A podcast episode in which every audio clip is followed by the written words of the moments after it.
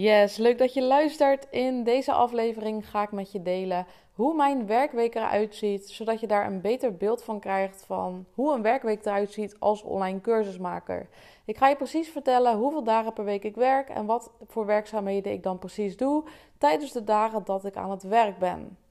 Allereerst werk ik op dit moment vier dagen per week. Dat was eerst drie dagen per week, maar ik heb nu uh, twee kleine kinderen en eerst dacht ik van nou, ik wil maar drie dagen per week werken, zodat ik genoeg tijd kan doorbrengen met mijn kinderen. Maar ik ben erachter gekomen dat ik het voor mezelf toch fijner vind om vier dagen per week te werken, zodat ik net wat meer tijd heb om echt aan mijn bedrijf te werken en om nieuwe dingen te ontwikkelen, et cetera. Dus ik werk op dit moment vier dagen per week. Op donderdag heb ik mamadag. Um, in het weekend werk ik niet, dus ik werk maandag, dinsdag, woensdag en vrijdag. Nou, op die dagen werk ik niet per se uh, hele dagen, dus niet per se van 9 tot 5. Maar ik kijk echt uh, waar ik zin in heb. En ik heb geen afspraken in mijn agenda staan. Dus eigenlijk is mijn werkweek iedere week helemaal leeg. Er staan geen afspraken in mijn agenda. Ik kan zelf mijn tijd indelen. Dus ik heb eigenlijk echt een lege agenda. En ik kan zelf op de dag, op de dag zelf kan ik bepalen uh, wat ik ga doen. Dus welke taken ik ga uitvoeren. En dat is eigenlijk iedere dag weer verschillend, maar er zijn altijd wel bepaalde dingen die iedere week terugkomen. En er zijn ook een aantal pijlers waar ik me op focus in mijn bedrijf. Nou, allereerst heb je natuurlijk de operationele taken, dus daarmee bedoel ik uh, bijvoorbeeld de mailbox. De mailbox uh, die moet beantwoord worden.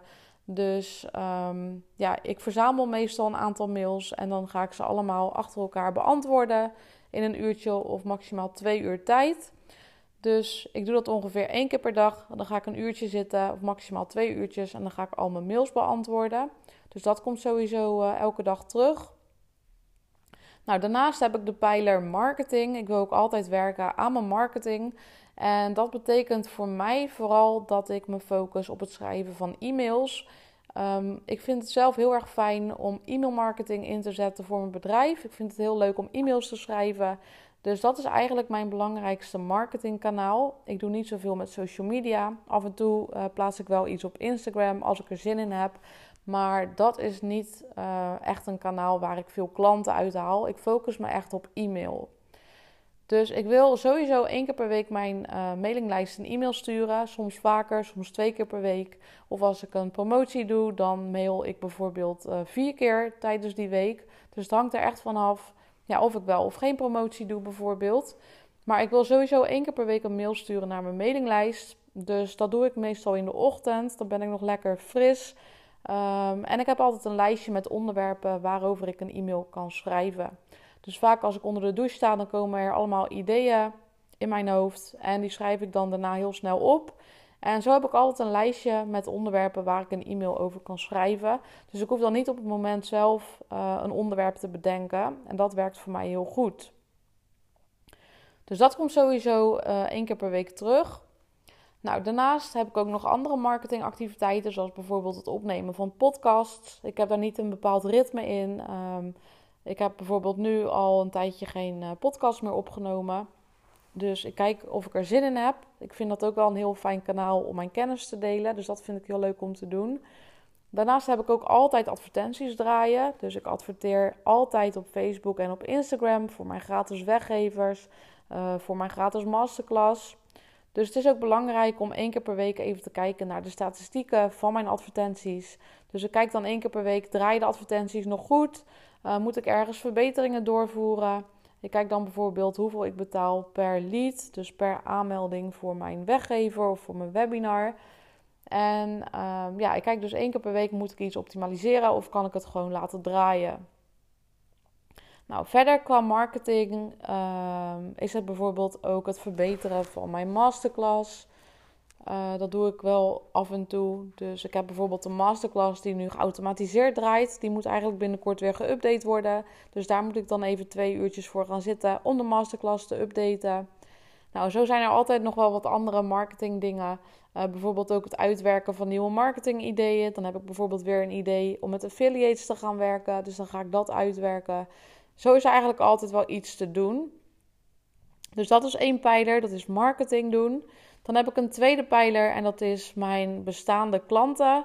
Dus ik wil ook altijd kijken van uh, hoe kan ik mijn bestaande klanten nog beter bedienen? Kan ik bijvoorbeeld nog een product ontwikkelen? Kan ik nog een online cursus ontwikkelen zodat ik mijn klanten nog beter kan helpen? Uh, wat is er nu voor nodig om uh, resultaat te laten behalen bij mijn klanten? Moet ik bijvoorbeeld een extra sessie inplannen voor klanten of wat dan ook? welke vragen worden er veel gesteld? En op basis daarvan kijk ik van nou, kan ik ook mijn online cursussen die ik al heb verbeteren. Dus daar wil ik ook altijd naar kijken. Dus naar mijn huidige online cursussen. Uh, moeten die geüpdate worden? Dus daar ben je ook altijd wel mee bezig. Omdat ja, mijn vakgebied marketing verandert heel snel. Dus het kan zomaar zijn dat een strategie die ik een jaar geleden um, heb getest en die goed werkte, dat dat nu niet meer zo goed werkt. En als ik dat dan deel met mijn klanten, dan zal ik dus ook mijn cursus moeten updaten met een nieuwe strategie, wat nu goed werkt. Dus ik vind het ook wel heel belangrijk dat mijn cursussen up-to-date zijn, zodat je echt hetgene leert wat nu werkt. Dus ook daar stop ik wel wat tijd in om mijn aanbod uh, up-to-date te houden. Dus dat is dan de tweede pijler. Dus ten eerste, de eerste pijler is marketing, het aantrekken van nieuwe klanten. En de tweede pijler is het verbeteren van mijn producten en het helpen van bestaande klanten. En de derde pijler, wat ik al eerder had genoemd, dat zijn de operationele werkzaamheden. Dus de werkzaamheden die eigenlijk altijd terugkomen, zoals administratie. Ik heb wel een boekhouder, maar ik moet ook al mijn facturen aanleveren aan de boekhouders. Dus dat komt één keer per maand terug. Uh, mails beantwoorden, et cetera. Daarnaast heb ik nog een pijler en dat is mezelf ontwikkelen en nieuwe kennis vergaren. En ik vind het heel belangrijk om mijn kennis up-to-date te houden en constant nieuwe dingen bij te leren, zodat ik die nieuwe kennis ook weer kan doorgeven aan mijn klanten. En de afgelopen vier jaar heb ik eigenlijk altijd een business coach gehad, omdat ik het heel fijn vind om input te krijgen van iemand anders, om met iemand anders te kunnen sparren en om programma's bij iemand anders te volgen, zodat ik daar ook weer van kan leren en zodat ik andere strategieën en andere methodes kan uitproberen. Dus ook dat vind ik een hele belangrijke pijler om echt tijd voor vrij te maken. Dus om nieuwe kennis op te doen, weer nieuwe dingen te leren, nieuwe trainingen te volgen van anderen. En dan als laatste pijler is dat ik ga kijken hoe ik dingen slimmer kan aanpakken in mijn bedrijf. Dus zijn er bijvoorbeeld bepaalde taken die ik uh, vaak doe, die regelmatig terugkomen, die ik handmatig doe en die ik zou kunnen automatiseren zodat ik meer tijd bespaar? Uh, zijn er bepaalde systemen die aan elkaar gekoppeld kunnen worden? Wat kan ik nog meer automatiseren? Uh, wat doe ik nu wat eigenlijk geen resultaat oplevert? Dus wat kan ik stopzetten? Waar kan ik mee stoppen? Dus zo kijk ik van ja, hoe kan ik mijn bedrijf nog slimmer, nog slimmer inrichten, zodat ik meer tijd bespaar, zodat dingen meer geautomatiseerd zijn en zodat alles steeds makkelijker wordt. Dus dit waren denk ik alle pijlers uh, waar ik mij op focus. En het allerbelangrijkste zijn dus de pijlers ten eerste marketing, ten tweede uh, klanten beter kunnen helpen, dus nieuwe cursussen ontwikkelen, uh, de cursussen beter maken die ik al heb. Dat zijn eigenlijk de twee belangrijkste pijlers in mijn ogen, waar je altijd tijd in moet stoppen. Dus ik hoop dat, dat je zo een beter beeld hebt gekregen van uh, wat er nu precies bij komt kijken als je een online cursusmaker bent. Waar ben je nu precies mee bezig? Nou, je moet het sowieso ook leuk vinden om content te maken. Dus om bijvoorbeeld e-mails te schrijven of eventueel op social media posts te plaatsen. Uh, met advertenties bezig te zijn, met marketing bezig te zijn, uh, nieuwe cursussen te ontwikkelen, video's op te nemen. Dat zijn wel taken die echt terugkomen als online cursusmaker. Dus dat moet je dan wel echt leuk vinden. Nou, ik hoop dat dit waardevol voor je was en dat je er iets mee kunt. Mocht je mijn podcast interessant vinden, zou ik het heel erg waarderen als je mij een beoordeling zou willen geven.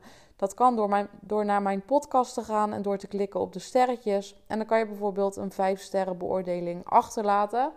Nou, super bedankt alvast als je dat voor mij wilt doen, zodat ik nog meer mensen kan helpen met het maken en verkopen van online cursussen.